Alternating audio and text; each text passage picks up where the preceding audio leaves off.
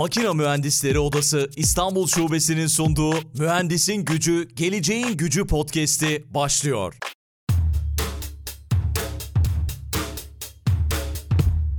Mühendisin Gücü, Geleceğin Gücü podcast'inin yeni bölümünden herkese merhaba. Bu bölümde konuğumuz TED Üniversitesi Mühendislik Fakültesi Dekanı Profesör Doktor Güney Özcebe. Hocam merhaba, hoş geldiniz. Hoş buldum, teşekkür ederim Aykut Bey. Yani hoş geldiniz diyorum ama tabii bunu adetten söyledim işte hiç hoş günler yaşamadık maalesef yaşamıyoruz.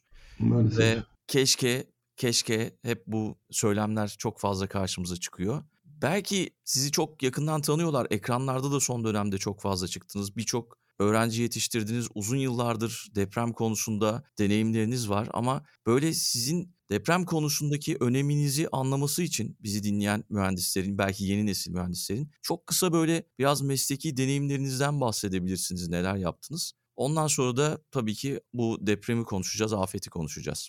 Teşekkür ederim. Çok hafif ve hızlı bir şekilde bahsedeyim isterseniz bu konudan. 79 ee, yılında ODTÜ İnşaat Mühendisliği bölümünden mezun olduktan sonra aynı bölümde yüksek lisans çalışmalarıma başladım ve işin mühendislik sismolojisi tarafından yani yer hareketleriyle ilgili kısmıyla başladık çalışmaya. E, master'ımı o konuda tamamladım. Ama daha sonra doktoraya Toronto Üniversitesi'ne gittiğimde depreme dayanıklı betonarme tasarımı, betonarme yapıların deprem davranışları konusunda bir tez yaptım. Tezim zamana göre galiba biraz ileriymiş.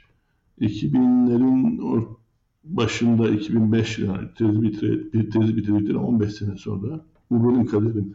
15 sene sonra bütün dünyanın ilgisini çekti ve Pacific Earthquake Research Center diye bir yer vardır Amerika'da, Kaliforniya'da. Onların databazine girdi benim tez datam. Ve neredeyse bu konuda uğraşan herkesin referans verdiği bir tez durumuna geldi. Tam o sıralarda Türkiye'de 99 depremleri olmuştu. 99 depremlerinde e, ilk defa bölgesel bir deprem yaşadık. Daha önce şehir kent depremleri yaşıyorduk. Örneğin Erzincan, efendim söyleyeyim Ceyhan, Dinar gibi. Ama burada bölgesel bir deprem yaşandı. Yani aynı depremden birçok yerleşim merkezi etkilendi. Ve güne göre oldukça yoğun bir can ve mal kaybı gündeme geldi. Bunun üzerine bizim bu başka kaderimiz bu. Kader lafını hiç sevmem ama bu, bu bir, bir şekilde kader. Çünkü evet. e, deprem olduğu zaman önemli oluyor. Ondan sonra unutuluyor maalesef. Dolayısıyla deprem araştırmalarının da e, musluğu depremlerden sonra açılır her nedense. Depremden önce sürekli açık tutulması gereken bir musluk. Depremden sonra sonuna kadar açılır. Havuzda su bitince de biter. Öyle yani. Böyle bir şey var. Kaderi var diyeyim bu mesleğin. O zaman hem dış kaynak hem iç kaynak oldukça önemli miktarlarda hem dış kaynak hem iç kaynağa eriştik. Ve önceliğimizi o güne kadar hiç çalışılmamış olan bir konuya verelim istedik. Bakınız Orta Doğu Teknik Üniversitesi'nin depreme karşı yapıları güçlendirme çalışmaları 1970'lerin 69'ların 70'lere kadar giden bir süreçtir. Ondan 2000'lere gelene kadar bayağı bir bilgi birikimi vardı. Ve bu bilgi birikimi çeşitli kurumlarca kullanıldı. Özellikle bakanlıklar, örneğin Eğitim Bakanlığı, e, özel kurumlar, bunların içinde çeşitli bankaların Türkiye genelinde şubelerinin güçlendirilmesi, endüstriyel kurumlar gibi kurumlar bu teknolojileri kullanmışlardı. Ama ne yazık ki bu teknoloji, o güne kadar geliştirmiş olduğumuz teknolojiler mesken türü yapılara uygulanabilir teknolojiler değildi. Mesken türü bir yapının en büyük sorunu içinde inşa, insanlar varken inşa faaliyetlerinin sürdürülememesi.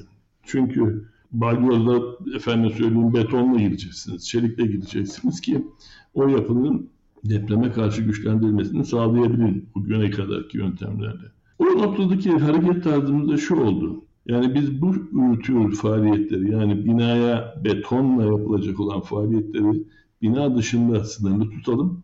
Ama bina içinde yapacağımız işleri de e, bina sakinlerine bir oya badana rahatsızlığı düzeyinde biraz fazla olabilir ama aslında o düzeyde yani evlerini terk etmeden o tırnak içinde söylüyorum çileye katlanabilecekleri düzeyde bir rahatsızlık da yapalım istedik. Asiyeli teknolojiler sivil hayatı açıldığından bu yana işte biliyorsunuz cep telefonları birdenbire moda oldu. Evet. Ee, evvelden o 1980 70'lerde 80'lerde bunlar askeri teknolojilerdi ve kullanılıyordu o alanda. Yalnız e, bizim bize giriş işte 90'larda oldu biliyorsunuz bizim e, sivil hayatımızı. Nasıl bir değişim yarattığını hayatınızda görüyorsunuz. Bu da onun gibi bir şey. Karbon lifli polimerler, lifli polimerler ana başlığı altında karbon polimerler evvelden savunma sanayi ve uçak sanayinde çok kullanılan e, teknolojilerdi. Enteresan bir malzeme. Aslında karbon nanotüplerinin yakılıp bir takım tekstil türü e, işlemlerden geçirilerek karbon wrap dedikleri yani karbon kumaş, karbon tekstiller üretilmesi. O süreçte ortaya çıkan malzeme e, elinize alırsanız boşlayabileceğiniz türden bir malzeme. Yani sanki soğan çuvalıymış gibi. Ama bir özelliği var ki inşaat sektörünü direkt olarak etkileyen çekildiği zaman çelikten daha fazla direnç gösteriyor. Bir çeliği işte teknik kullanacağım tabiri 400-420 e, megapaskal'a kadar çekip ondan sonra tamam bu bu kadar yük taşıyormuş derken bu onun dört katı kuvvetlere kadar dayanabiliyor, gerilimlere kadar dayanabiliyor. Bu önemli bir özelliğiydi.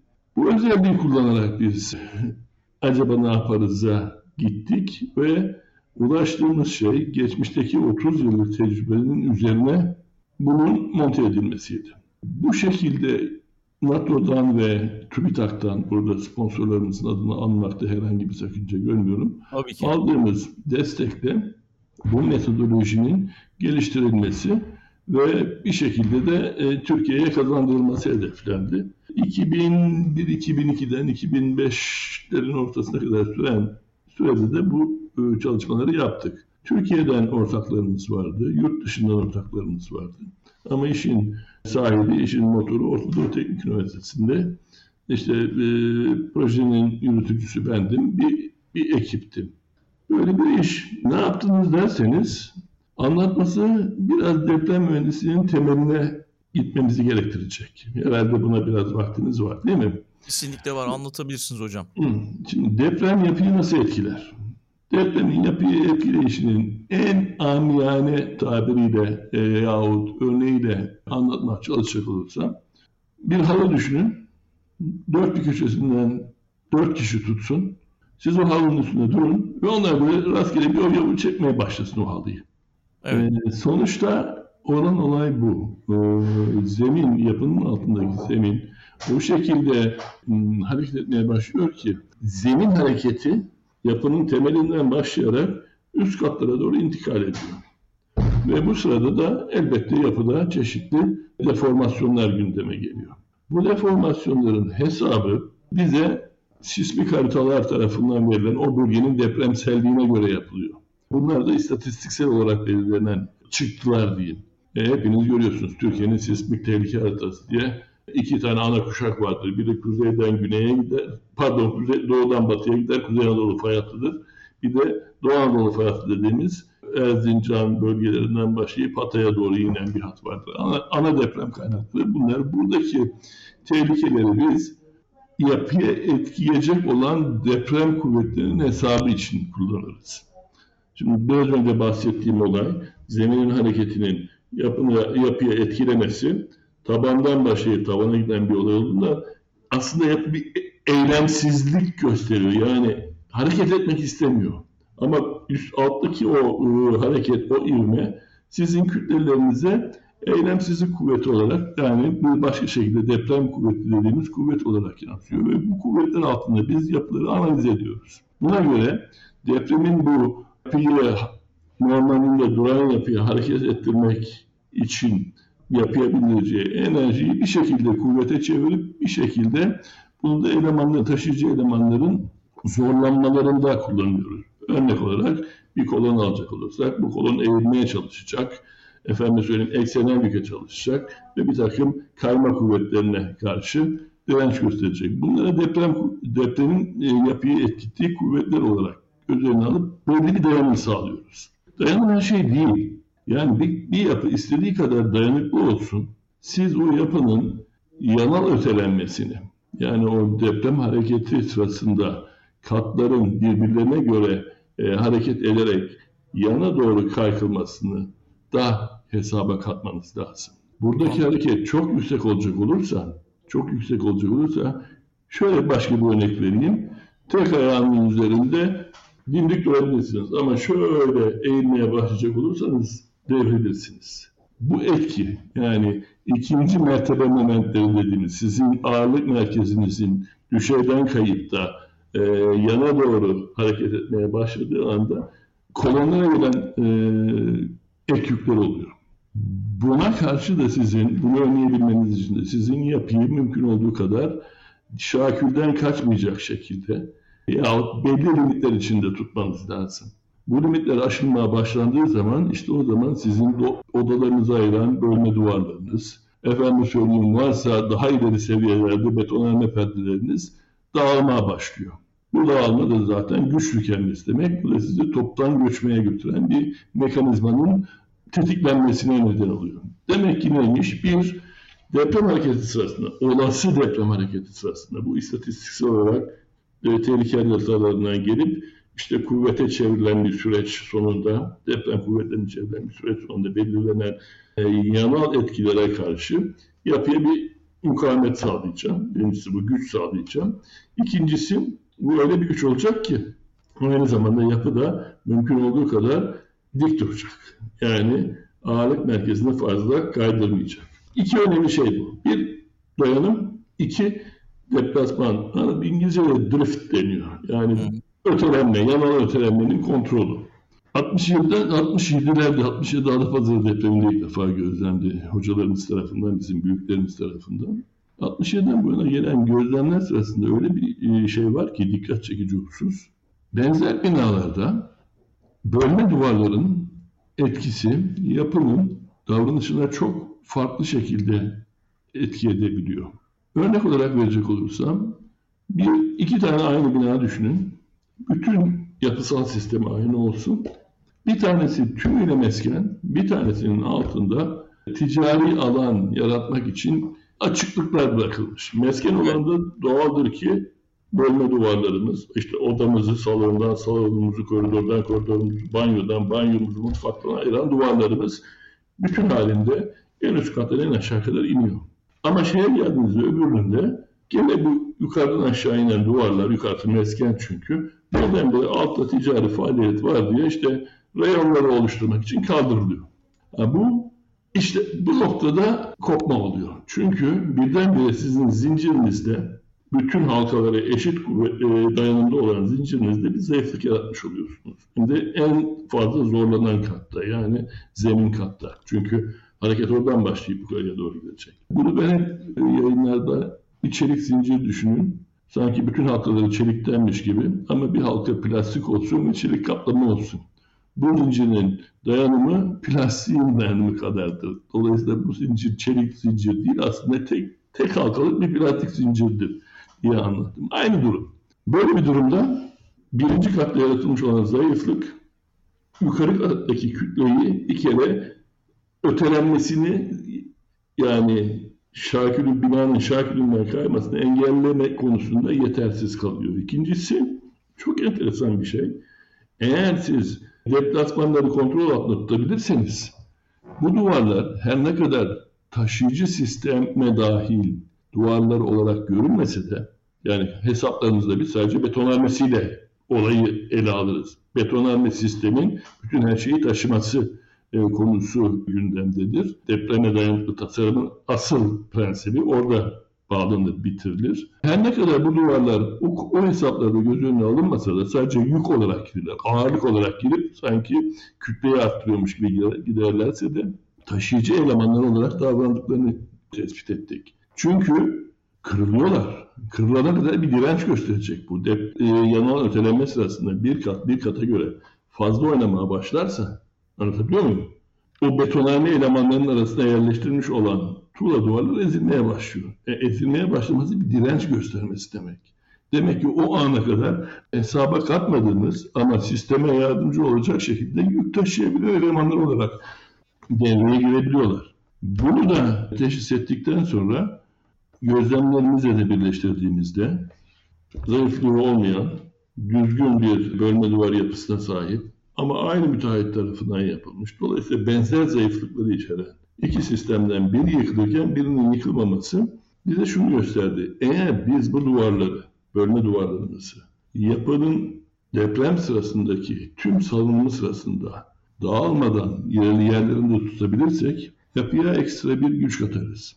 Bunu yaparken de amaç şeydi, 2000'lere gelene kadar. Kullanıcının rahatsızlığı ilgilendirmiyordu bizi. Bunu yapmanın en temel yolu o duvarları balyoza indirip betonarme, her bir betonarme hücresini yapıdaki bir çerçeveyi düşünün. Çeşitli kolonlar var ve bunları birleştiren kirişler var. Dolayısıyla her bir çerçeve gözüne ankraj, demir ankrajlar dikerek ve bunun içine de bir betonarme çeliğini oluşturup betonarmenin gereksinimi olan çeliği yerleştirdikten sonra buraya bir betonarme duvarlaştırarak biz bu dolgu duvarları baştan sona perde duvara çeviriyorduk. Yani bu işte bir okul binasında mümkündü. Çünkü okullar genelde 3 ay kapalı oluyor. Doğru. Bir efendime söyleyeyim e, banka şubesinde mümkündü. Çünkü bir bankanın aynı yerde 88 tane şubesi var. Bir şubeleri sırasıyla o ildeki sırasıyla güçlendirme imkanı vardı. Kaydırarak personeli bir şubeden. Bir devlet dairesinde mümkündü. Bir askeriyenin bir garnizonda mümkündü. Ne bileyim mümkün olan yerlerde hep bu kullanıldı. Yani dolgu duvarlar betonarme duvarlara çevrildi. Ama onun için binanın boşaltılıp içeride inşaat işinin yapılması gerekiyordu. Mesken türü yapılarda bunun mümkün olmadığı için işte karbon fiber konusu devreye girdi. Ya dedik biz bu evvelden betonarmeyle yaptığımız şeyleri binada yaşayanların can güvenliğini sağlayabilecek düzeyde hafifletilmiş yani öbürü kadar e, şey değil okul binasının hemen kullanılabilir durumda olması lazım. Efendim söyleyeyim bir banka binasının belki hiçbir hasar görünmesi lazım. Bir askeri e, üssün hiçbir hasar görünmesi lazım. Bu arada üst düzey bir güvenlik seviyesine çıkartılıyor güçlendirmeyle. Mesken türü binalarda bir alt e, güvenlik seviyesi olan can güvenliği seviyesini hedefleyecek kadar bir şeyler yaparak bu e, işi başarabilir miyiz araştırdık ve o amaçla bu duvarlara karbon fiber uygulaması gündeme getirdik. Karbon fiber dediğim gibi çekme dayanımı çok yüksek. Çekme dayanımı yüksek olan bir şeyi şöyle anlatabilirim size. Dört tane çubuk alın. Evet. Her ucundan bunları birer çiviyle bağlayın. Tamam. Bu eğer çiviler yani ilk çakıldıklarında fazla böyle e, oynatılmamışsa sizin aslında kare şeklinde ya dikdörtgen şeklinde bir çubuk mekanizmanız vardır. Ama bunu alttaki çubuğu tutup üsttekini oynatacak olursanız bu baklava şeklinde döner değil mi? Doğru. Demek ki ne yapmak lazım? Bu gidişi önlemek lazım. Çünkü benim betonarme binalarımda yatay deplasmanlar oluşmaya başlayınca katlar arasındaki o dikdörtgen gördüğünüz kolon kirişlerden oluşan dikdörtgen alanlar böyle olmaya başlıyor. Bunu tutmak için ne yapabiliriz? İki şey yapılabilir. Bir, basit çubukları koyabilirsiniz aralarına çapraz. Hakikaten o tutar. Veyahut basit çubuk koymak için o, hani o, o perde duvar bir dereceye kadar öyle çalışıyor. Yani çelik çaprazla girmeniz lazım binaya. Yine duvarı kaldırmanız lazım. Çelik elemanlarla, çelik profillerle girmeniz Gene duvar kaldırmak lazım. Olmadı. O şey tutmadı. Ne dedik? Basit çubuğu yerine çekme çubuğu koyalım biz. Hazır elimizde bu malzeme varken, çekme dayanımı çeliğin icabında dört katına kadar çıkabiliyorken ve uygulaması da kolayken çünkü kesiyorsunuz epoksi tabanıyla birazcık o yüzeyi düzen, düzenliyorsunuz ve bunu getirip yapıştırıyorsunuz. İlave boyadan farkı bir de bunlara ankraj takılıyor. Yani deprem sırasında bunun duvarla birleşik çalışabilmesi için de bir takım e, çivilemeler yapıyorsunuz. O da yani şey oluyor. Epoksi, epoksi bazlı karbon fiber uygulaması yapılıyor. Yani sonuçta birazcık bir matkapla delme işi, oralara e, ankre etme işi. Sonunda ortaya çıkan duvar eğer çerçeve uçlarına da benzer, çerçeve elemanlarına da benzer şekilde bağlanınca şu hareketi yapmak konusunda şey oluyor, daha dirençli oluyor. Dolayısıyla katları birbirine göre yani... E, saat var tabii tabii tabii. Yani ben en basit bir çerçeve gözüyle anlatmaya çalışıyorum size. Yani şu sizin evvelden tuğla duvarınızsa bunun üzerine yapıştırdığınız karbon fiberle bunun e, yatay kuvvetler altındaki hareketini mümkün olduğu kadar kısıtlıyorsunuz. Çünkü neden? Bu tarafa yok yüklediğiniz şey şu köşenin şu köşeye göre ayrılmasını sağlarken sizin burada çok kuvvetli bir çapraz elemanınız var. Çekme elemanınız. O, onu durduruyor. Anlatabildim mi? Böyle bir e, böyle bir mekanizmayla deneysel olarak bu işin yapılabileceğini gösterdik. Ama hiç, her şey orada bitmiyor. Çünkü bunun e, bir, bir, bir, bir inşaat projesi projelendirmeye gerekir. Bir inşaat işi projelendirmeye gerekir. Doğru. E, üç katlı binaya bunu nasıl uygulayacağım? On katlı binaya bunu nasıl uygulayacağım? Vesaire vesaire. Dolayısıyla ben beton için modelim var, çelik için modelim var. E, dolayısıyla bu modelleri kullanarak betonarme için model oluşturabiliyorum. Ama bu, bunun yok. İkinci safhasını da çalışmanın bunu biz yapısal sisteme taşıyıcı bir ilave eleman olarak aktararak yeterli güvenlikte yani oradaki güvenlik seviyesini bir kere daha anlatayım. Can güvenliğini sağlayacak düzeyde bir hesap yapmaya kalkarsak nasıl kullanacağız bu elemanı? Yani bunu çelik diyemem, buna beton diyemem, buna plastik diyemem. O zaman bunun için bir e, eleman modeli geliştirilmesi gerekiyordu. Tuğla duvarlara yapıştırılmış olan e, çapraz elemanların bilmiyorum kaç tane denedik. Değişik şekilde, değişiklikler altında denilerek nasıl davrandıklarını ortaya çıkartıp buna bir malzeme modeli geliştirdik. Eleman modeli gibi. Dolayısıyla ben bu elemandan işte şu kesitte, kesit alanı belli, kalınlığıyla ölçülüyor. Kullanacağınız kaç kat kalınlıkta uygulama yapacaksınız. Ne kadar kullanırsam bu binayı istediğim limitler içinde yani şartnamenin e, verdiği limitler içerisinde tutmacasına yine şartnameye göre göz önüne alınan deprem kuvvetleri altında nasıl tutar konusu. Bu şekilde de halledilmiş oldu ve dolayısıyla ben sanki betonla, betonarme bir çerçeveli sistemin yani kolonlardan ve kirişlerden oluşmuş bir yapının bazı akslarında bu elemanları kullanarak, çapraz elemanları kullanarak daha İngilizce tabiriyle stiff, Türkçesi yok, rigid, rigid deniyor Türkçe'de, o da Fransa'dan evet. gelme. Bir sütun oluşturarak e, hesaplarını yapabilir ve diğer kolonlardaki yükleri nasıl azaltacağım vesaire durumuna geldik. Güzeldi. Sonuçta 2005 yılında bu bütün her şeyiyle deneysel çalışması bitmiş olan çalışmanın analitik kısmını da sonraki iki yıl içinde tamamlayarak o projede NATO projesinden bağımsızdı. TÜBİTAK'ın NATO'nun desteklediği projeden bağımsızdı. Ondan e, bağımsız olarak malzeme modelimizi de geliştirdikten sonra projeleri yapabilecek duruma geldik. İşin en güzel tarafı da orada başladı. Yani inovatif bir yaklaşımdı. Çünkü yok yani böyle bir... Dünyada literatüre siz soktunuz mu? Literatürde böyle bir uygulama yok idi evet. Ah, e, karbon fiberle kolonları çepeçevre sarmak, o şekilde onları sıkı sıkı e, confine etmek derler, Türkçesi sargılamak mümkündü ama bu türde bir sistem ulaştırmasına yönelik bir uygulama yoktu. O yüzden de heyecanımız şu oldu, ya biz bunu uygulayıp göstersek. Tamamen bilimsel, bakın hiçbir şey yok bunun arkasında, ticari bir beklenti vesaire yok. Uygulayıp göstersek nasıl olur? Şartname 2007'de, 2008'de devreye giren şartname, bugünkü şartnamenin bir, bir evvelki versiyonu, karbon fiberle güçlendirme konusunda yapılan deneylerimizi değerlendirerek böyle bir güçlendirmenin yapılabileceği konusunda bize yol açtı. Aslında modern şartnameler bilimsel gerçeklere dayanan deneylerle ve e, şeyle teoriyle desteklenmiş yöntemlerin uygulanmasını, yapıda uygulanmasına yol açar. Bizim şartnamemizde bu kapsamda tip uygulamalara yol açmış ve bize önemli bir fırsat sağlamıştı. Hala yeni şartnameye göre de bunu yapmak mümkün bu arada onu da söyleyeyim. Bir master çalışması üzerinde çalışma başlattık.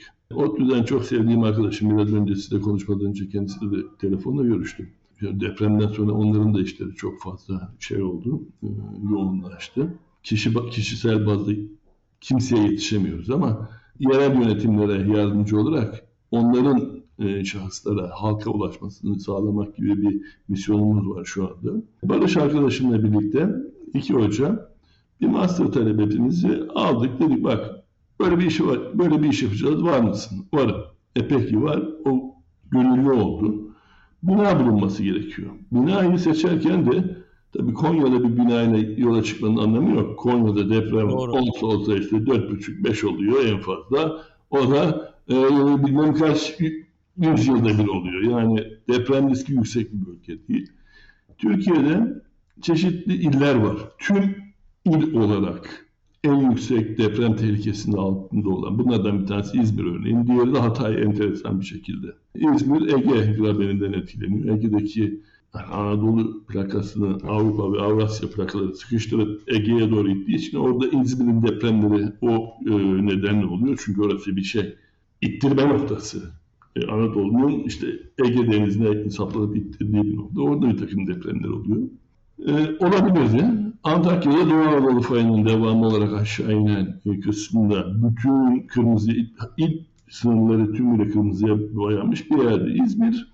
Pek girişemedik orada İzmir'de herhangi bir şey ama büyük şehir hem belediyeyle olacak bürokratik işler açısından zordu. Hem şuydu hem buydu hem e, destek alabilecek yerel elemanlar açısından Antakya'ya göre daha bize, bizim açımızdan daha çalışılması zor bir bölgeydi.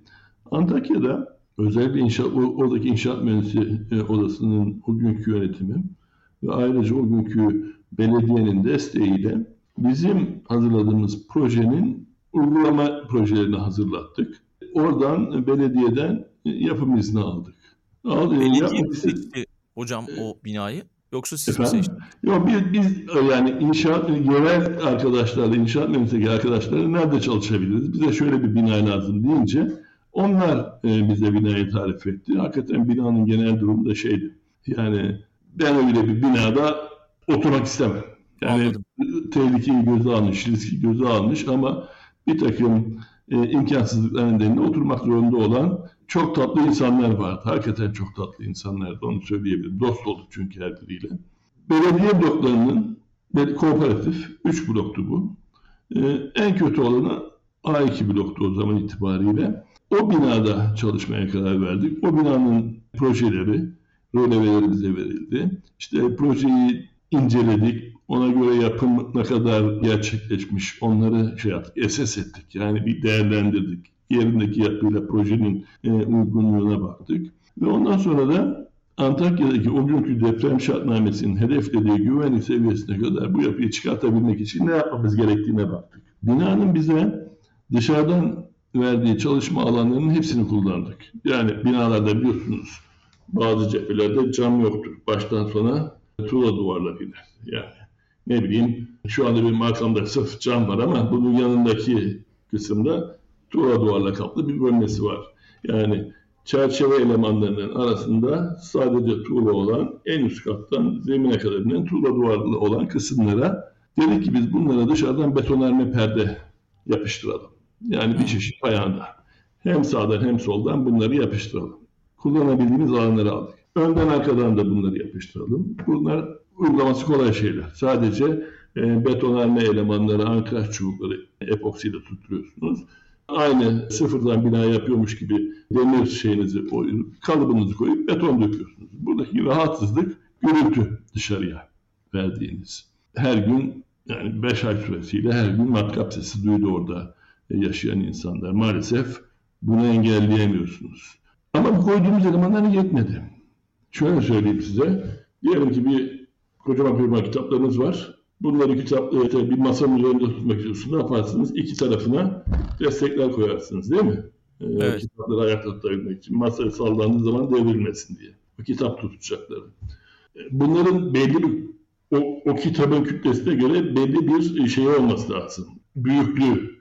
Ha, onu sağlayamadı dışarıdan koyduğumuz bayandalar. Yani bina bunları da yıkabilecek şekilde sallanma ihtimali var idi. Dolayısıyla dışarıdan yaptığımız müdahale olayın bir kısmıydı. İçeriden ne yapabiliriz konusunda da işte bizim geliştirdiğimiz metotla girdik. İçeride kullanılabilecek tüm ta en üst kattan bodrum katına kadar olan ve sürekli inen dolgu duvarları karbon fiberle güçlendirip bodrum katta da bunları temele bağladık. Bunları da koyunca hem dışarıdan hem içeriden binayı rigidleştirmiş oldunuz. Yaptığımız hesaplar o yönetmenimizin tanımladığı can güvenliği seviyesini tutturuyordu. Dolayısıyla Bu anlamda belediyeden onay almak da zor olmadı. Çünkü hesaplarla gösterilmiş bir şey. Can güvenliği seviyesi şu demek. Bina hafif hasar hafif orta hasar arası, ortayı geçmemek üzere hasar alabilir. Yani camlarında kırılma gündeme gelebilir. Yani bazı dolgu duvarları dökülebilir. Hatta hatta binanın çökmesine neden olmayacak şekilde betonarme elemanlarda bile bazı hasarlar gündeme gelebilir. Ama tek olmayacak şey bu binanın bir şekilde insan öldürmesi. Yani ne oluyorsa bunun belli kabul edilebilir limitler içinde olması lazım ve depremden sonra insanların binayı boşaltıp hatta ve hatta içindeki eşyalarını da o deprem fırtınası geçtikten sonra girip alabilecek durumda olmaları hedeflenir can güvenliği seviyesinde. Öğrencimiz Mustafa'nın tezinde bazı kirişlerde hasar görülecek, bazı kolonlarda bir takım küçük yapısal hasarlar olabilir şeklinde olası hasarı da tespit edecek şekilde bir takım kestirimlerde bulunduk. Ve sonra bunun uygulanması konusu geldi. Burada sağ olsun NATO bir destek daha verdi bize. Araştırma projesinden 50 bin euro kadar bir para arttırmıştık. Fena, bugün bile iyi para, fena değilmiş. İyi arttırmışız. Güzel, evet. Demek ya size bunu biz iade ettik biliyorsunuz ama siz şunu bize bir daha açar mısınız? Çünkü bunun şeyini yapacağız, uygulamasını yapacağız. Aradan düşündüler, açarız ama dediler bir şartlar. Biz bunun dediler dokümanterini de çekeceğiz siz bu işi yaparken. Doküman, yani dokümanter bir filmi. Hala YouTube'da yayınlanıyor. Yani Antakya, Earthquake, YouTube'dan bunu paylaşırız hocam linkini. Yani Antakya, Earthquake, NATO. Bir de Six Colors diye bir şey var. Altı tane değişik projeyi bu şey. Yani bu dört kelimeyle bunu bulabilirsiniz. Çok rahatlıkla. Onlar da dediler böyle zaman bir şartlar orada e, bunu dokümante edeceğiz. Karbon fiber malzemesini bu şekilde aldık. Ama tabii betonarme inşaatına yetmedi bu e, getirdiğimiz para. Sağ olsun kat malikleri de yahut kiracılar da malikler de onlar yani kiracıya yansımaz demirbaş binada yapılan demirbaş işlemleri. Kat malikleri de betonarmesi için gerekli harcamayı yaptılar. Ama bunun yanında ne projesi ne uygulamacısı yani karbon fiberi, karbon fiberi temin eden firma uyguladı özel bir uygulama olduğu için. Ne de işte o dışarıdan betonarme perde işini yapan müteahhit hiçbirisi bila ücret yani işi sevabına yaptılar. Dolayısıyla manageable yani kat maliklerine fazla da mali bir yük getirmeden bu işi tamamladık, bitirdik, helalleştik, ayrıldık. Ama çok keyifli bir çalışma ortamıydı. Şey bilirsiniz yani Türkiye'de yaşadığınız zaman boya boya badana yaptıran ev evet. sahibi yani işçilere her gün kebap söyler, bir şey söyler. Yani Doğru, e, o, o servisi vermek durumundasınız. Bu evde öyle bir şey olmadı. Bu evde işçiler hangi katta çalışıyorsa o katın çayını içtiler, o katta tuvaleti kullandılar, o kattaki hanımların hepsi o gün onların öğlen yemeğini çıkarttı. Yani böyle bir yapı bir şenlik yeri gibi yapıldı diyebilirim. Her ne kadar büyük şair Nazım Hikmet'in yapı şenlik yeri değildir diye bir ısrarsı varsa da bir şeyi bizim bizim yapıda bir şenlik havası içinde yani herkes normal günlük hayatına devam ederek şey yaptı yani yaşamlarına devam ettiler. İş güvenliği konusunda gerekli önlemler alındı tabii. Çünkü dışarıda beton dökülürken o bölgeyi en azından e, çoluğun çocuğun girmesini engelleyecek tedbirleri almanız lazım vesaire ama yani dediğim gibi e, bir binayı boşaltmaya gerek duymadan yaptık.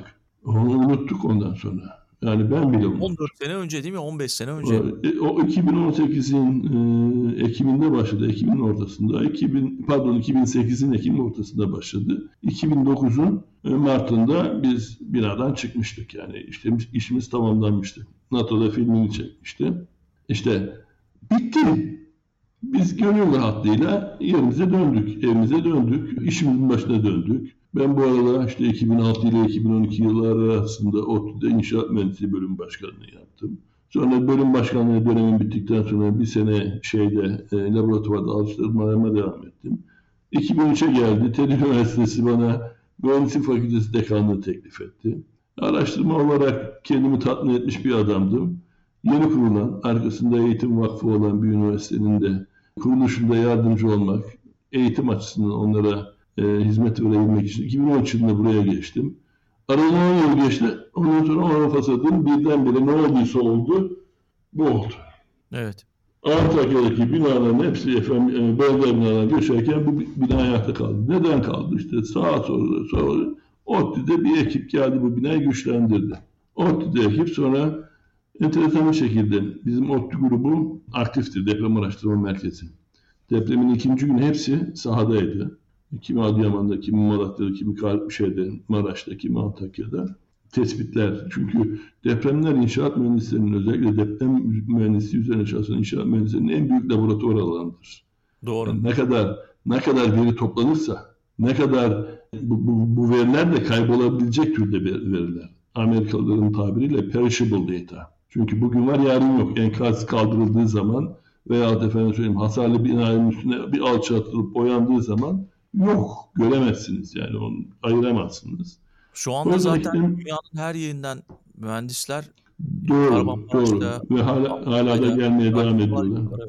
Hala da gelmeye devam ediyorlar. Ayın 27'si gibi Earthquake Engineering Research Institute Amerika'dan bir ekip geliyor. Türkiye'den e, arkadaşlarımız da çalışacaklar. İşte Avrupa EU Center denen bir yer var. E, İtalya Pavia'da. Oradaki ekipler planlıyor gelmeyi. Yani o sürekli birileri gelip onlar da bir şey öğrenmek istiyor çünkü. Bunların hepsi yani bir kişinin 10 parmağı var, 10 kişinin 100 parmağı var. Öyle Doğru. bakın ne kadar fazla insan gelirse o kadar fazla veri toplanabiliyor. Ayrıca bir kişinin bakıp göremediğini bir başkası aynı şeyde bambaşka bir şey görebiliyor. O yüzden e, bu çok kıymetli. Yani uluslararası dayanışma bu anlamda bilim camiasının dayanışması çok önemli. Neyse e, Antakya'ya giden ekipteki bir arkadaşımız merak etmiş. Binaya gideyim ben bakayım hocam bana koordinatlarını bir atar mısınız dedi. Ama ondan önce şu oldu. Antakya'da deprem olduğu haberi düşünce e, şeye sabahleyin bültenlere benim ilk işim Antakya'yı aramak oldu. İşte Cihat, Ali, e, Dahi ne durumdasınız? Kimisi hocam biz iyiyiz dedi. Kimisi enkaz altında ablamla annem var onları çıkartmaya çalışıyorum dedi. Allah'tan hiçbirisinin e, şeyi olmadı ama yani benim yakın çalıştığım grupta hiçbir şey olmadı. Çekirdek ailelerinde kayıp olmadı ama hepsine ne zaman nasılsınız dediğimde hocam biz hayattayız. Biliyor musunuz hocam sizin bina ayakta diye söylerdiler. E, reaksiyon gösterdiler. Ha, bunun üzerine bizim oraya giden ekipteki arkadaşlar da hocam ya şunu koordinatlarını gönderin de bir bakalım dediler. Yolladım. Tesadüfen o arkadaş binaya gidiyor yani İçine giren çıkanlar vardı hocam diyor. Yani bina şey o derece güven veriyor. Hasarlı ama güven veren bina durumunda. Yedinci katta bir hanıma rastladım dedi. Bir, bir kadıncağızı. Ben ODTÜ'lü hocalarıma mesaj göndermek istiyorum demiş. Ve video çekti. O video işimizde kalsın istiyordum. Çünkü o kadıncağızın mesajı kişisel bir mesajdı ama bir şekilde bir şekilde e, sızdı. Twitter üzerinden basına sızdı. Enteresandı o. Ondan sonra vay anam işte Güney Hoca ve ekibi. Ya aradan 15 sene geçmiş. Biz bunu kendi e, bilimsel gücümüzle yapılabileceğini göstermişiz. Uygulamışız.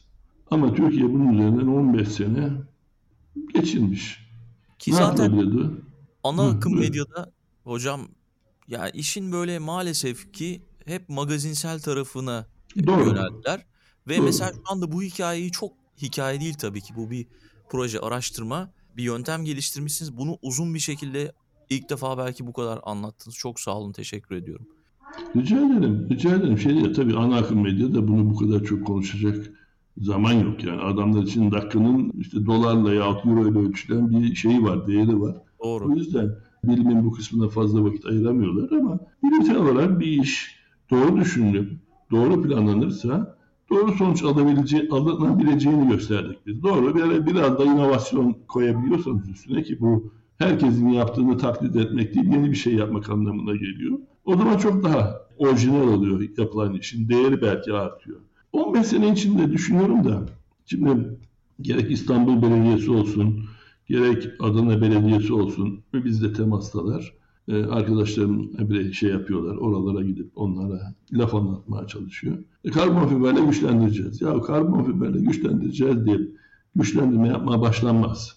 Yani evet. bu işin bir şeyi vardır adını söyleyin. Bir ondan önce yapılması gereken bir şey vardır. Hep şu örneği verdim. Bir hastalığınızdan dolayı doktora gittiğinizde doktorun ilk yaptığı şey bir epikriz almaktır. Yani bu ne zaman başladı? Nasıl başladı?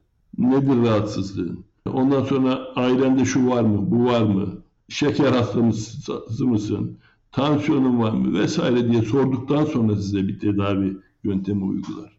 Doğru. Bu, bu binaya durunca sandılar ki her şey karbonu böyle ayakta tutabilir. Yok öyle bir şey. Bu yanlış.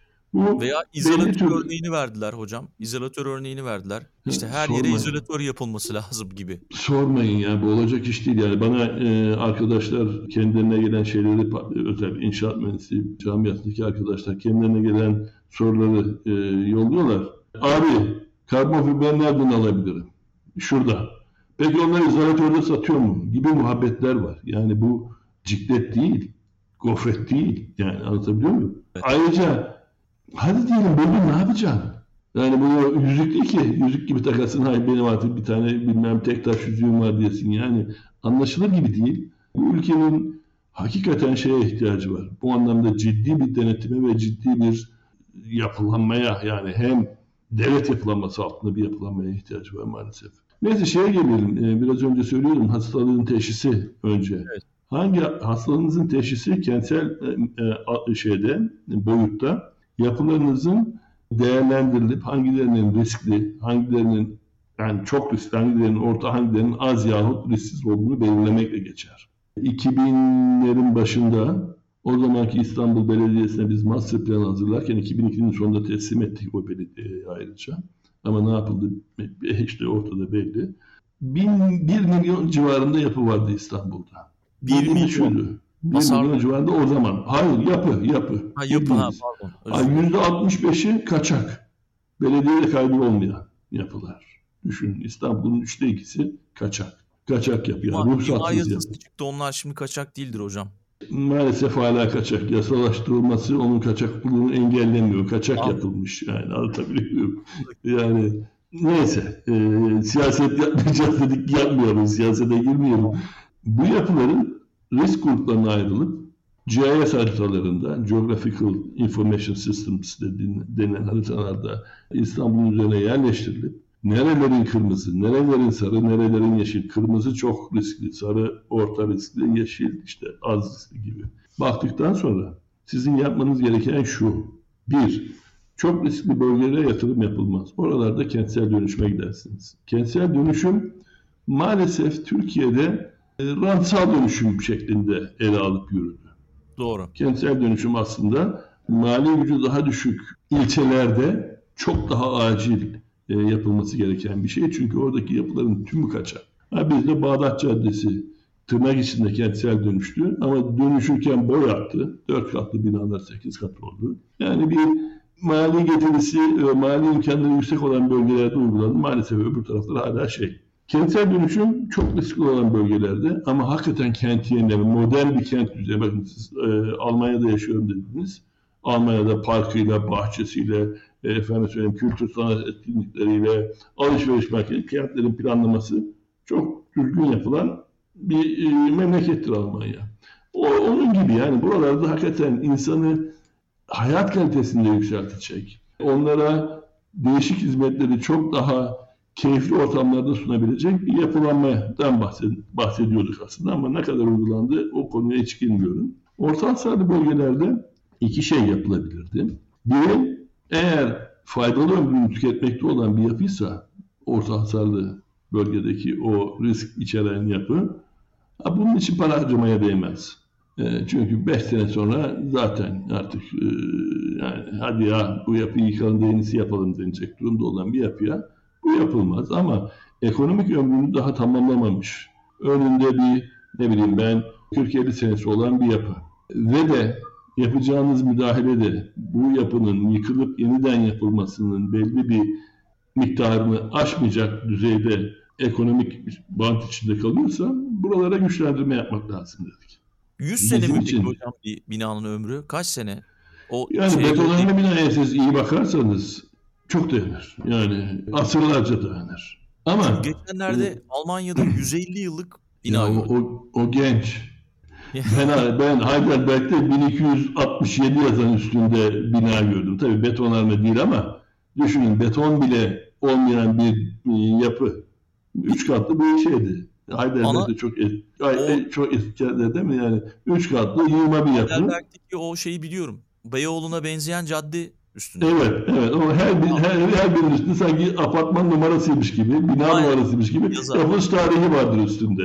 Yani 1200'lerden, 1300'lerden kalma yapılar düzgün yapıldığı sürece, dayanıklı malzemeyle yapıldığı sürece, yani durabilitesi olan malzemeyle yapıldığı sürece durur. Beton da durur. Yeter ki düzgün beton yapılsın, iyi bakılsın ve hor kullanılmasın.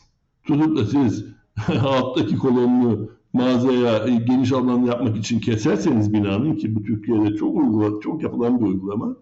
O, o yapıdan siz e, ömür beklemeyin yani. O yapının yaşamasını beklemeyin. E, neler neler oluyor. Diyarbakır'da bilmem hatırlarsınız bilmem Zümrüt Apartmanı altında fırın varmış. E, Bir gece göçtü. Bundan 8-10 sene önce. Bilmem nerede bir Konya'da bilmem ne. Bir gecede göçtü. Yani bunlar bunlar yapı, yapıya kötülük yaparsanız siz ondan iyilik bekleyemezsiniz. O yüzden betonarme bir yapının normalde e, betonarme bir yapının ömrü iyi bakılması durumunda asırlarca sürür ama şu özelliği var. Özellikle Türkiye'de ki betonarme binaların ben yüzlerce sene böyle kalmasını istemem. İstanbul'un üzerinden her uçuşta ucube bir şehir görüyorum ben. Yani Maalesef. ya ne kadar güzel yeşil alanı var, ne kadar güzel boğazı var, ne kadar değil. Çatı çatı çatı çatı çatı çatı çatı. Bir Hatta çatılar uçları birbirine değecek kadar yakın. Yani böyle bir yeri 100 sene kullanmak, 200 sene kullanmak gibi hedefimiz olmaması lazım.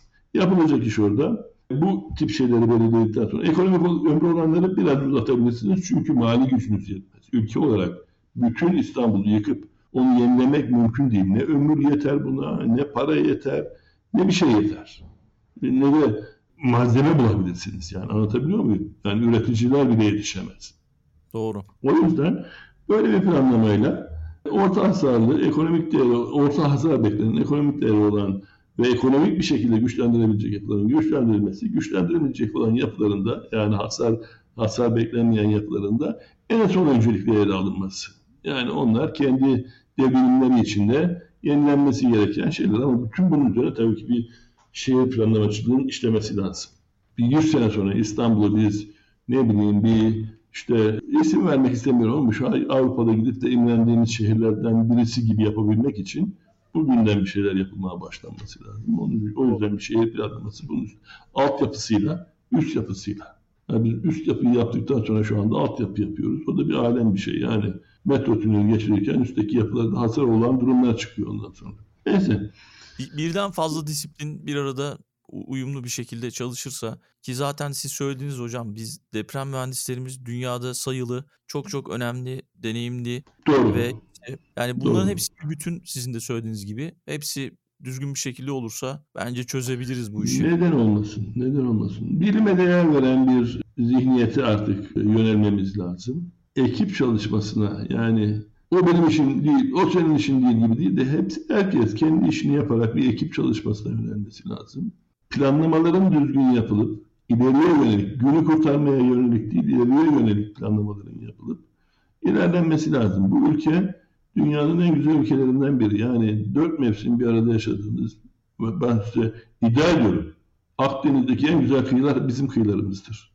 Bunun de. biçimde biraz da Adriyatik kıyısında e, güzellikler var ama e, en güzel kıyılar yani Gökova'yı gören insan dünyada başka bir yerde denize girmek istemez. Bu kadar basit yani olay. Şimdi neden yapamıyoruz sorusu. Bir de bunu Evet. anlatmaya çalışıyorum ben ekranlarda. Neden yapamıyoruz? Bakın e, birazcık a- e, araştırma yapın şeyde adını söyleyin e, internette. Almanya'da yapı denetimi nasıl sağlanıyor göreceksiniz. Adamlar çok güzel yapılanmalarını kurmuşlar. Burada yapının A'sından Z'sine kadar her şeyi kontrol eden bir sistem var. Kendi bünyelerinde 300-400 çalışanı var. Avrupa Birliği ülkelerinden bunlara danışmanlık veren 600-700 çalışan da var. Yani 1000-1100 kişiyle bir organizasyon, özel bir organizasyon, siyasi değil, siyasilerin etkisinde değil, bir organizasyon Almanya'nın bina güvenliğini sağlamayı becermiş. Bizde de bu işin bu şekilde ele alınması lazım. Değişik ülkelerin modelleri incelenebilir. Bu Almanya olabilir, İngiltere olabilir, Amerika olabilir. Hepsinde var. Ama temel yanlışlıklarımızı bir an önce belirlememiz lazım ki bana göre en temel yanlış daha üniversiteden çıkıldığı zaman yapılıyor. Bakınız deprem mühendisliği bir uzmanlık dalıdır. Tıp doktoru olduktan sonra pratisyen hekim çıkarsınız Türkiye'de. Bu doğrudur. Pratisyen hekim sadece ön tanı koymaya yarayan, işte takım halk sağlığı merkezlerinde çalışan, aşı yapan e, vesaire bir hekimdir. Hekimliğin altyapısını almış birisidir. Ama bir kardiyolog, bir dahiliyeci, bir hematolog olmak için üzerine bir 4 senelik hatta bazı durumlarda 8 senelik daha tahsil gerekir. Örneğin benim kardeşim hematolog önce dahiliye yaptı ondan sonra hematoloji şey yaptı üst e, uzmanlığı yaptı. Yani böyle bir alanda çalışacak insanlara biz lisans düzeyinde yetki veriyoruz. Hocam Buyurun. Kanada'da siz bulunduğunuz için odaların da ayrıca yetki vermesi gerekiyor. Mesela Kanada örneğini vereyim. Mühendis oldunuz ama imza atabilmeniz için oda sizi tekrar sınava sokuyor ve o sınavı geçerseniz siz Doğru ama tek tek sınavla da değil.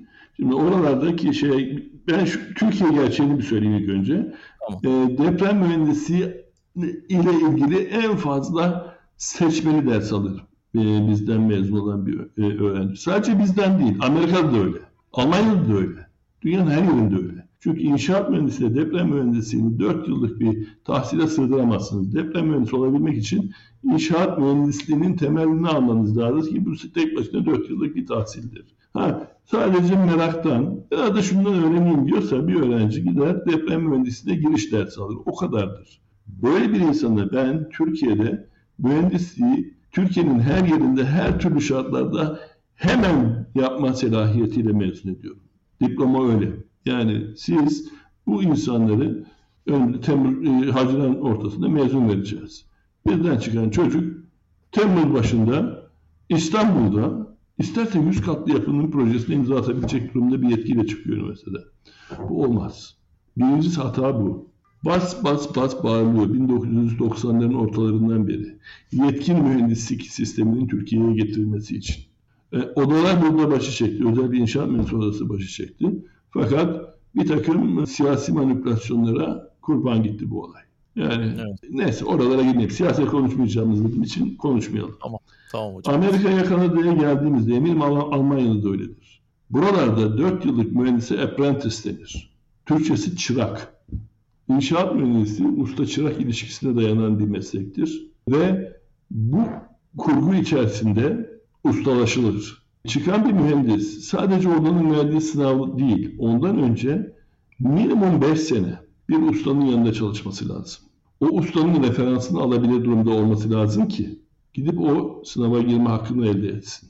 Evet. Daha sonra da örneğin Amerika'da American Society of Civil Engineers'ın başı çektiği bu tip şeyler, sınavlarla değişik eyaletlerde imza yetkisine sahip olunur. Biliyorsunuz Amerika eyalet sistemine dayanan bir yapı. E, aslında iç işlerinde eyaletler serbest fakat dış politikada federal hükümete bağlıdırlar.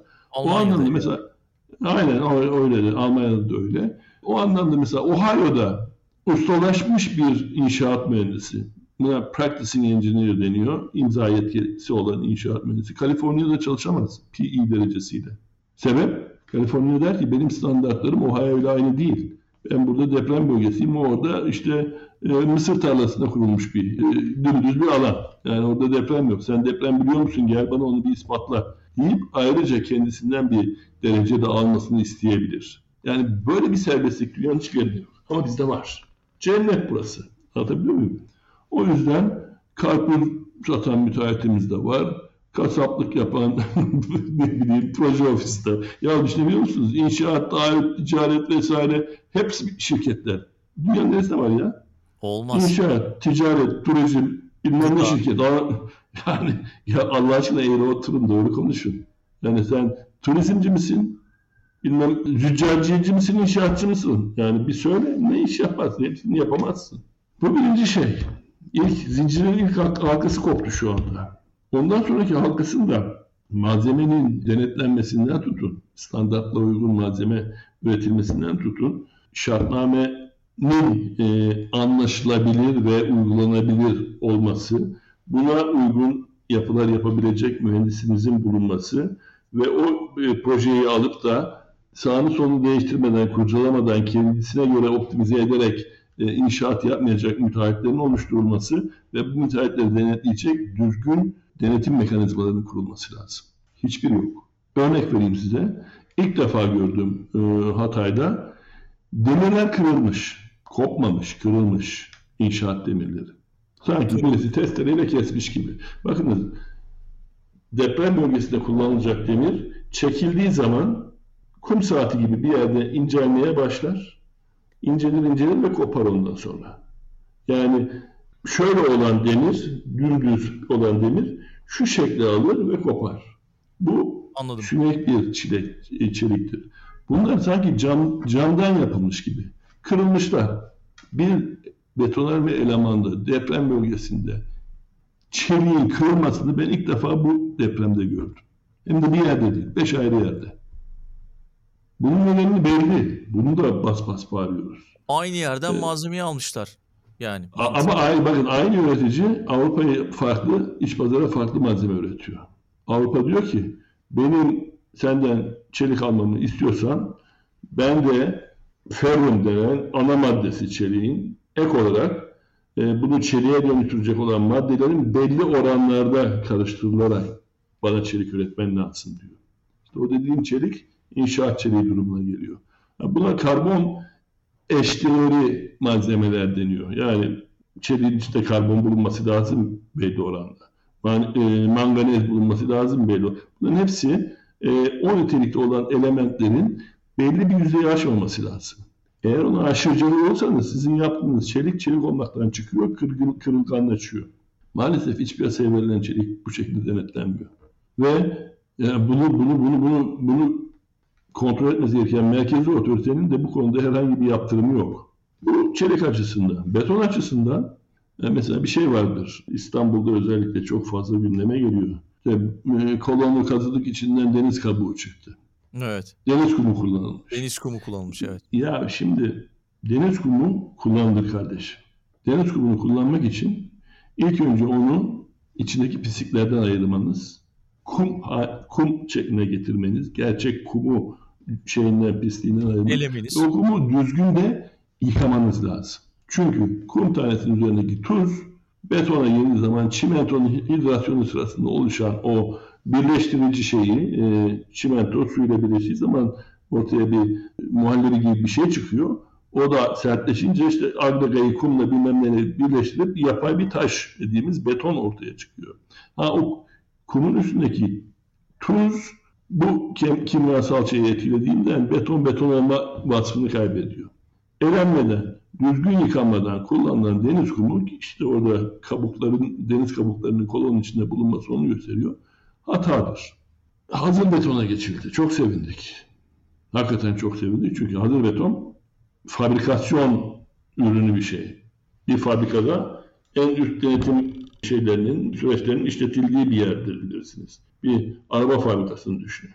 Her pimine kadar e, yahut her efendim contasına kadar, civatasına kadar ne kadar sıkıştırıldığı, ne yapıldığı e, sistem tarafından kontrol edilir. Burada maalesef bizim hazır beton da şey olmadı. Antakya Türkiye'deki hazır betona ilk geçen illerden biri. 20 küsur senedir hazır beton kullanılıyor. Ama Antakya'da yeni yapılmış olan yapılardaki betonun kalitesi bile benim betonarme derslerinde betondur diye anlattığım malzemeden çok farklı. E, demek ki ben hazır betonun bile üretildiği noktadan uygulandığı noktaya kadarki denetimini de sağlayamıyorum. Müteahhit ve projeci yüz yüze geliyorlar. Nerede yüz yüze geliyorlar? Müteahhit belli bir arsayı alıyor eline. Mimara buraya projeyi çizdirtiyor. İşte bana şöyle bir yapı yap diye tamam. Mimar oraya sıkıştırıyor yapıyı. Çünkü arsayı son milimetre karesine kadar kullanma, imar atmış kullanma derdinde. Hatta bilirsiniz bizim yapılar tabandan birkaç çıktıktan sonra bir de böyle genişler. Evet. Çıkmalar vardır. Doğru. Dünyanın, dünyada pek görünmez bu. Biz- Bize mahsus bir şey. Çünkü imara açılan bölge işte arazinin yüzde kırkıdır. Ama yüzde kırk çıkınca yüzde altmışa genişletirsiniz yapıyı. Bu da tehlikeli bir unsur. Aslında zincirin sürekliliğini sağlamıyor o anlamda. Sağlam bir kuvvet mekanizmasını sağlamıyor diyeyim. Neyse müteahhit aldıktan sonra bunu bir de projeci. Hadi bakalım bana bunu yap. Neler gördüm Aykut Bey. Düzce depreminden sonra Düzce Belediyesi'nde onların desteğiyle, oradaki inşaat mühendisleri odasında e, temsilciliği aracılığıyla Düzceli mühendislere seminer veriyoruz. Bir kere şu anda bütün şeylerimiz bilgisayar esiri durumunda mühendislerimiz. Mühendisler. Yani elle evvelden yani ben, babalarımızın yaptığı gibi mühendislik yapamıyorlar. Elle veya e, hesap makinesiyle. Bilgisayar olacak. Bilgisayarda e, anlatıyoruz. Bakın Düzce tehlikeli bir bölgede. Buranın deprem e, tehlikesi o zamanki tabiriyle birinci derece deprem bölgesi. Dolayısıyla bunu bir kere göz önüne alın. Programlarınızı kullanırken bundan bam, oradan bir el kalkıyor. Ama hocam hı, iyi diyorsunuz, hoş diyorsunuz da e birinci derece deprem bölgesi için bir girecek olursak oraya çok demir çıkıyor. Müteahhit almıyor. Ben mecburum diyor bunu diyor. Ee, yaşayabilmek için bilmem ne yapabilmek için ucuz şey yapmaya. Yani burada özellikle şeyde Taşra'da Anadolu'daki şehirlerde dahil olmak üzere genişletebilirim Taşra. Böyle bir ilişki var müteahhitle mühendis arasında. Diğer taraftan inşaat sırasına giriyorsunuz. Ya projede tamam zavallı mühendis elinden geleni yapmış her şeye rağmen deprem dayanıklı bir betonarme bina oluşturabilmek için çeliğini çelik e, detaylandırmasını falan yapmış ama gözden kaçırdığı bir şey var. Küçük kesitlerle uğraştığı için koyduğu demirleri elemanın içine sığdırmak mümkün değil. O zaman müteahhit giriyor burada devreye. Burada bununla şunu uygulasaydım böyle olacaktı. Onun için ben bunu böyle yaptım. Herhangi bir kimseye herhangi bir şey danışmadan müteahhit proje üstünde kendi başına değişiklik yapabilme yetkisine sahip oluyor. Bu da şantiyedeki kontrolün yetersizliği anlamına geliyor. Yani benim şantiyede kurduğum şey de yetersiz. Depremlerden sonra 2003 ya 4 yılıydı galiba şey kurdular. Yapı değerlendirme firmalarına onaylattıktan sonra yapı yani arada bir onay mekanizması. Evet. E, yapı yapım izni verecek belediyeler dediler. Birdenbire müteahhitlerin birden fazla şapkası oldu. Kendisinin müteahhit şapkası var, karısının yapı denetimci şapkası var. Doğru. Anlatabiliyor muyum? Yani yapı denetim firmasının sahibi hısmı akrabası tabirici derecede yakın. Bunu, bunu da e, 2017'de fark etti merkezi hükümet. O zaman dediler biz bir pool oluşturacağız, bir havuz. Burada yapı denetçileri olacak. Müteahhit bize başvuracak. Biz buradan yapı denetçisi tespit edip onları e, o şekilde eşleştireceğiz. Bilir kişilik gibi. E, yani o yapı denetçisi onun böylece eşi, dostu, ısmarla bası olma durumundan çıkacak. O da işlemedi. O da işlemedi. Çünkü sonuçta yapı denetçisi değişik baskılar altında kalabiliyor.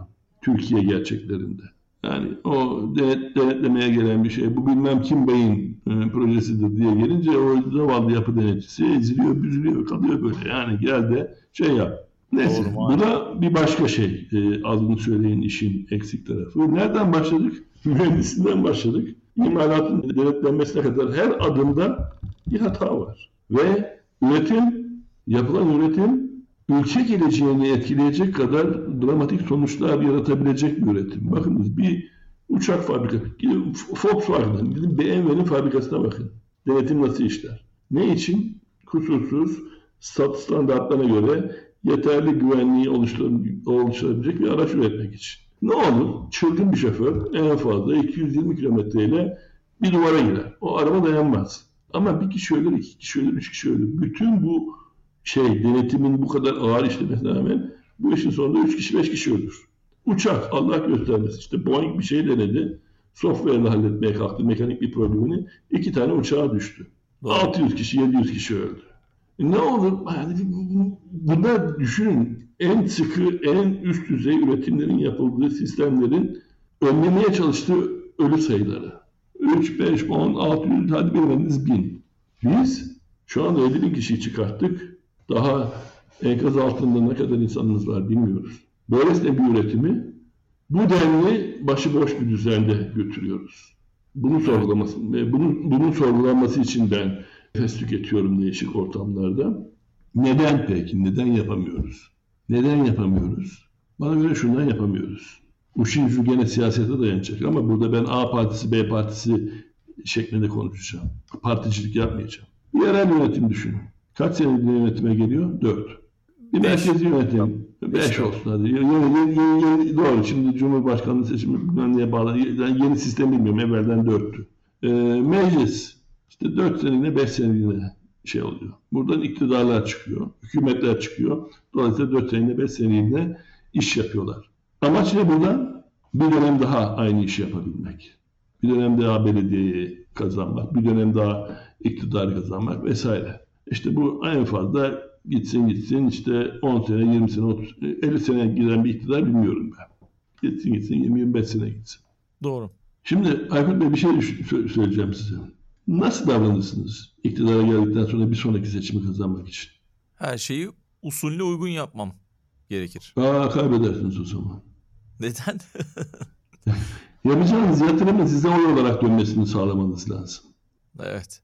O Dolayısıyla yüzden... Türkiye'de belediye başkanı ya belediyeye yeni gelmiş bir yönetim hemen kaldırımlara saldırır. Hemen parklara bahçelere saldırır. Hemen elektrik direklerine saldırır.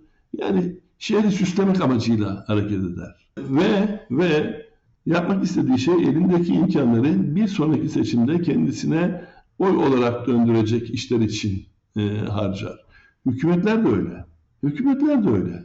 Ha bu arada hükümetlerin bize getirdiği ek bir şey var. Bakın 85'te Türkiye bunu icat etti. İmar affı denen şeyi. Ondan sonra e, bütün kentlerimiz gece kondu oldu. İmar affı bile müjde diye Türk halkına sunuldu. Bu deprem olmasaydı yine çıkacaktı. Gene çıkacak ya. Hala da çıkabilir. Engel yok.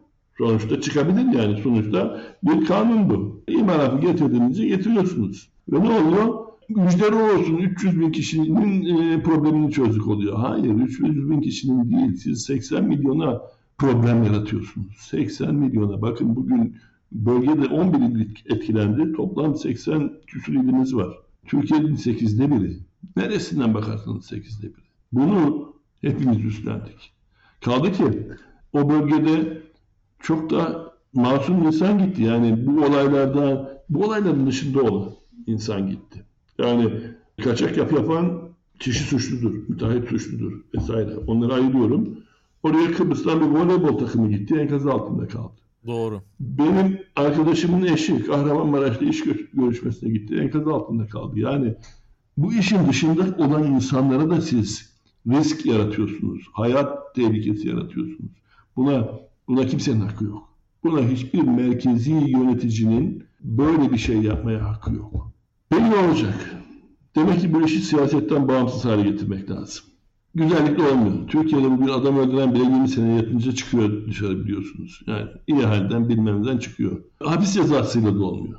Yalova'da bilmem ne kadar insanı göçük altında bırakan bazı müteahhitler var. İsimlerini hatırlarsınız. Şu anda yine müteahhitlik yapıyorlar. 5-6 sene içeride kalır. İşte yani burada da olmuyor.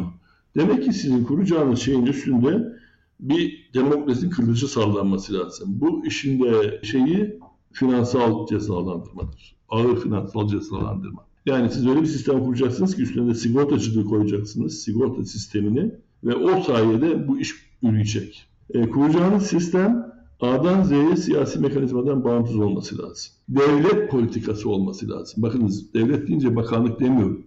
Devlet politikası. Bugün Amerika'da Cumhuriyetçiler de gelse, demokratlar da gelse dış politikası değişmez Amerika'nın. Kitlendiği bir şey dünyaya sahip olmaktır. Amerika'nın dış politikası bu. İster demokrat gelsin, kim gelirse bakanlık üstü bir politikadır. Yani Amerika'nın perde arkasındaki devleti işler burada. Bunun da o şekilde olması lazım. Bir savunma şeyidir bu, sistemidir. Nasıl ki dış düşmanlara karşı siz ordunuzu vesairenizi kurup ona devlet politikası yaklaşabiliyorsunuz.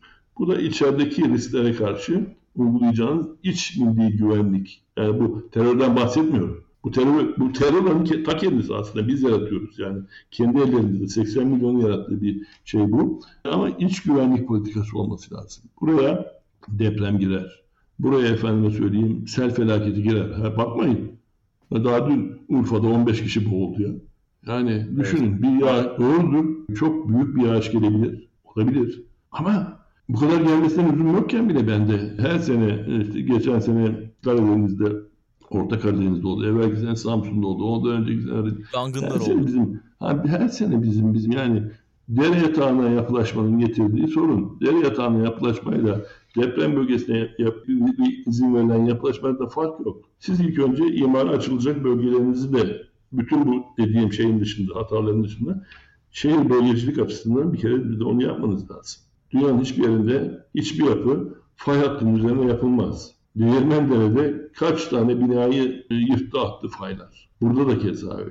Yani bu yapılmaz. Fay hattı denilen bir şey jeofizik yöntemlerle belirlenebiliyor.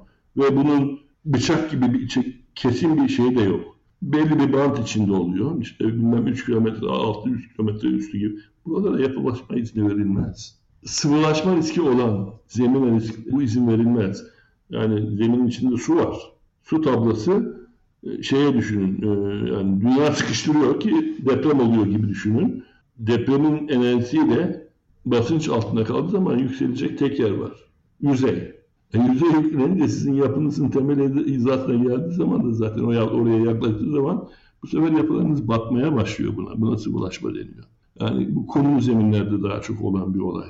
Kirli zeminlerde pek görünmüyor. Kil şişiyor çünkü hala bir kendine has bir özelliği var ama kumlu zeminlerde hop dip yükseliyor su tablası ve sizin binalarınız başka türlü şey görüyor. Dolayısıyla sıvılaşma tehlikesi olan bölgelerde, fay hattı olan bölgelerde bu tip şeyleri engellemek lazım. Biz tarım arazilerimizi şeye döndürdük. Adını söyleyin, imar alanlarına döndürdük. Olmaz mı?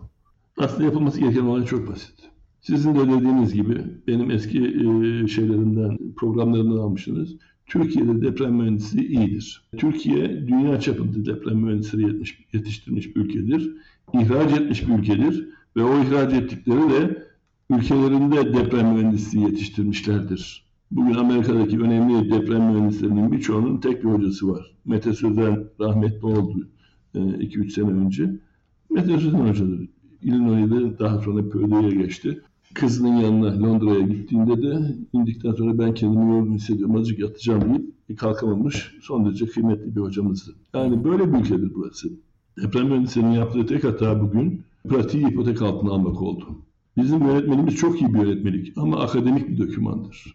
Uygulamaya yönelik bir doküman değil. Dolayısıyla zaten çıkışta deprem mühendisliği, üniversiteden çıkışta deprem mühendisliğini bilmeyen ve meslek içi eğitime önemin çok düşük seviyede olduğu bir ülkedeki mühendisin bu yönetmeni alıp da bağımsız olarak iş yapabilmesi mümkün değil. Dolayısıyla esiri oluyor. Bir takım bu yönetmeliği uyguladığını iddia eden bilgisayar programlarının esiri oluyor ve bilgisayar ne derse mühendislik o oluyor. Yani bu hataların ortadan kaldırılması için düzgün bir yapılanma, özel bir yapılanma, bu denetleme kurulu düzeyinde de olabilir. Mesela Enerji Piyasası Denetleme Kurumu diyoruz. Enerji Piyasası Denetleme Kurumu bugün hakikaten Sabancı'yı da titretiyor. Efendim söyleyeyim Çukurova'yı herkesi titretiyor. Yani belli şeyleri e, adını söyleyeyim piyasanın kurallarını koyan ve oyuncuların buna göre oynamasını sağlayan bir kurum. Sonuçta bir güvence kurumu. Özel bir kurum. Bunun gibi bir özel yapı siyasi müdahalelerden bağımsız benim tespit ettiğim, kendi karınca, kararınca tespit edebildiğim türde denetim eksikliklerini ortadan kaldırmacasına yapılanması birinci şey. İkincisi, bugünden başlayarak mühendislik düzeyimizi yükseltmemiz. Maalesef şu anda Türkiye'de 110 küsur inşaat mühendisliği bölümü var. Kimisinin hocası yok ama mezunlarının diploması var. Bunun ortadan kaldırılması lazım. Planlamaların doğru yapılması lazım. Bugün Yüksek Öğretim Kurulumuzla ilgili olarak 11. Kalkınma Planı, bak biliyorsunuz DPT değil, strateji bilmem ne e, üst kurulu bu e, şeyleri yapıyor, planları yapıyor. YÖK'le ilgili 560. maddelerde geçiyor. Üniversitelerin kontenjanlarının belirlenmesi.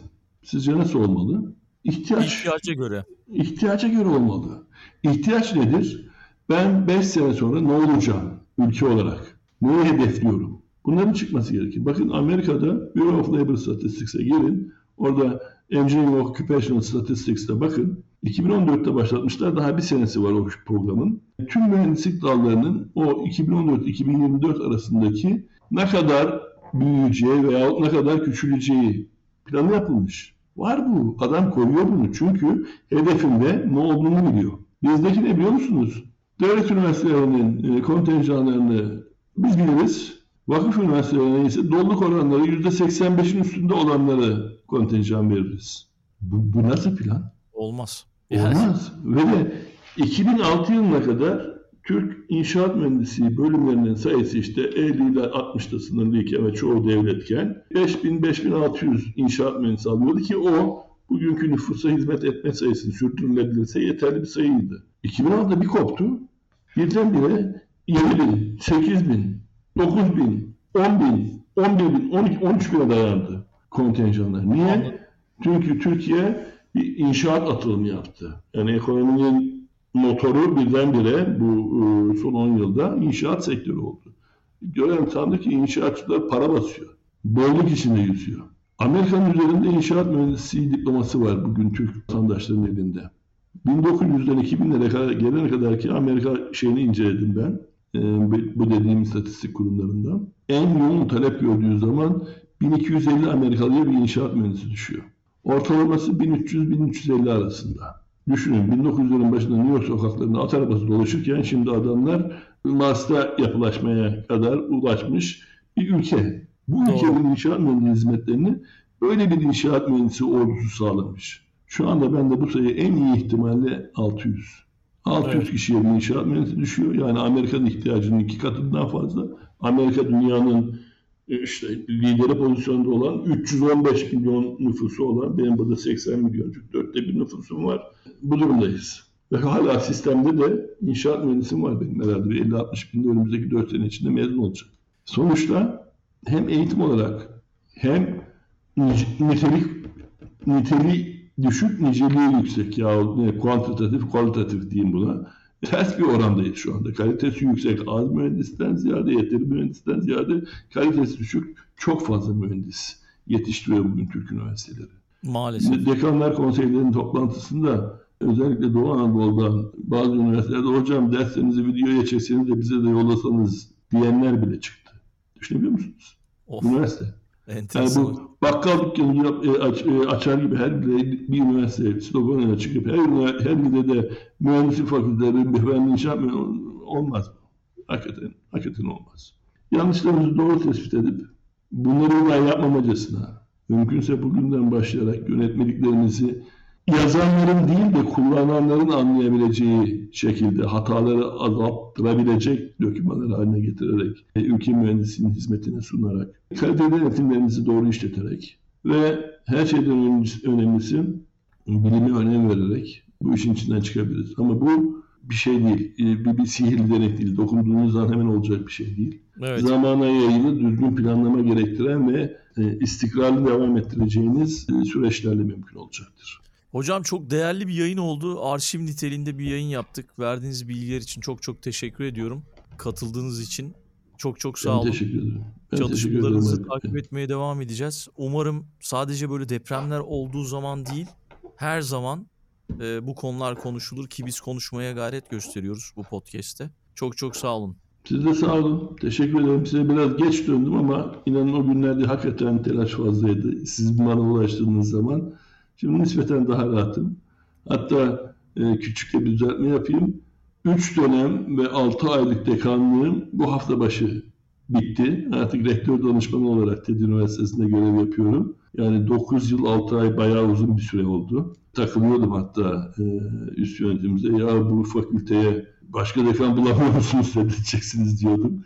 İyi oldu. O, o- böyle bir yeni bir görev değişikliğim de oldu. Dolayısıyla o düzeltmeyi de yapmış olayım. Tamam. Tamam. Bundan sonra değişik platformlarda değişik şekillerde gene sizlere e, hizmet etmeye, yardımcı olmaya çalışacağım. Mühendisliğin gücü toplumlar üzerinde hakikaten büyük etkidir. Bugünün de gücüdür, geleceğin de gücüdür o anlamda.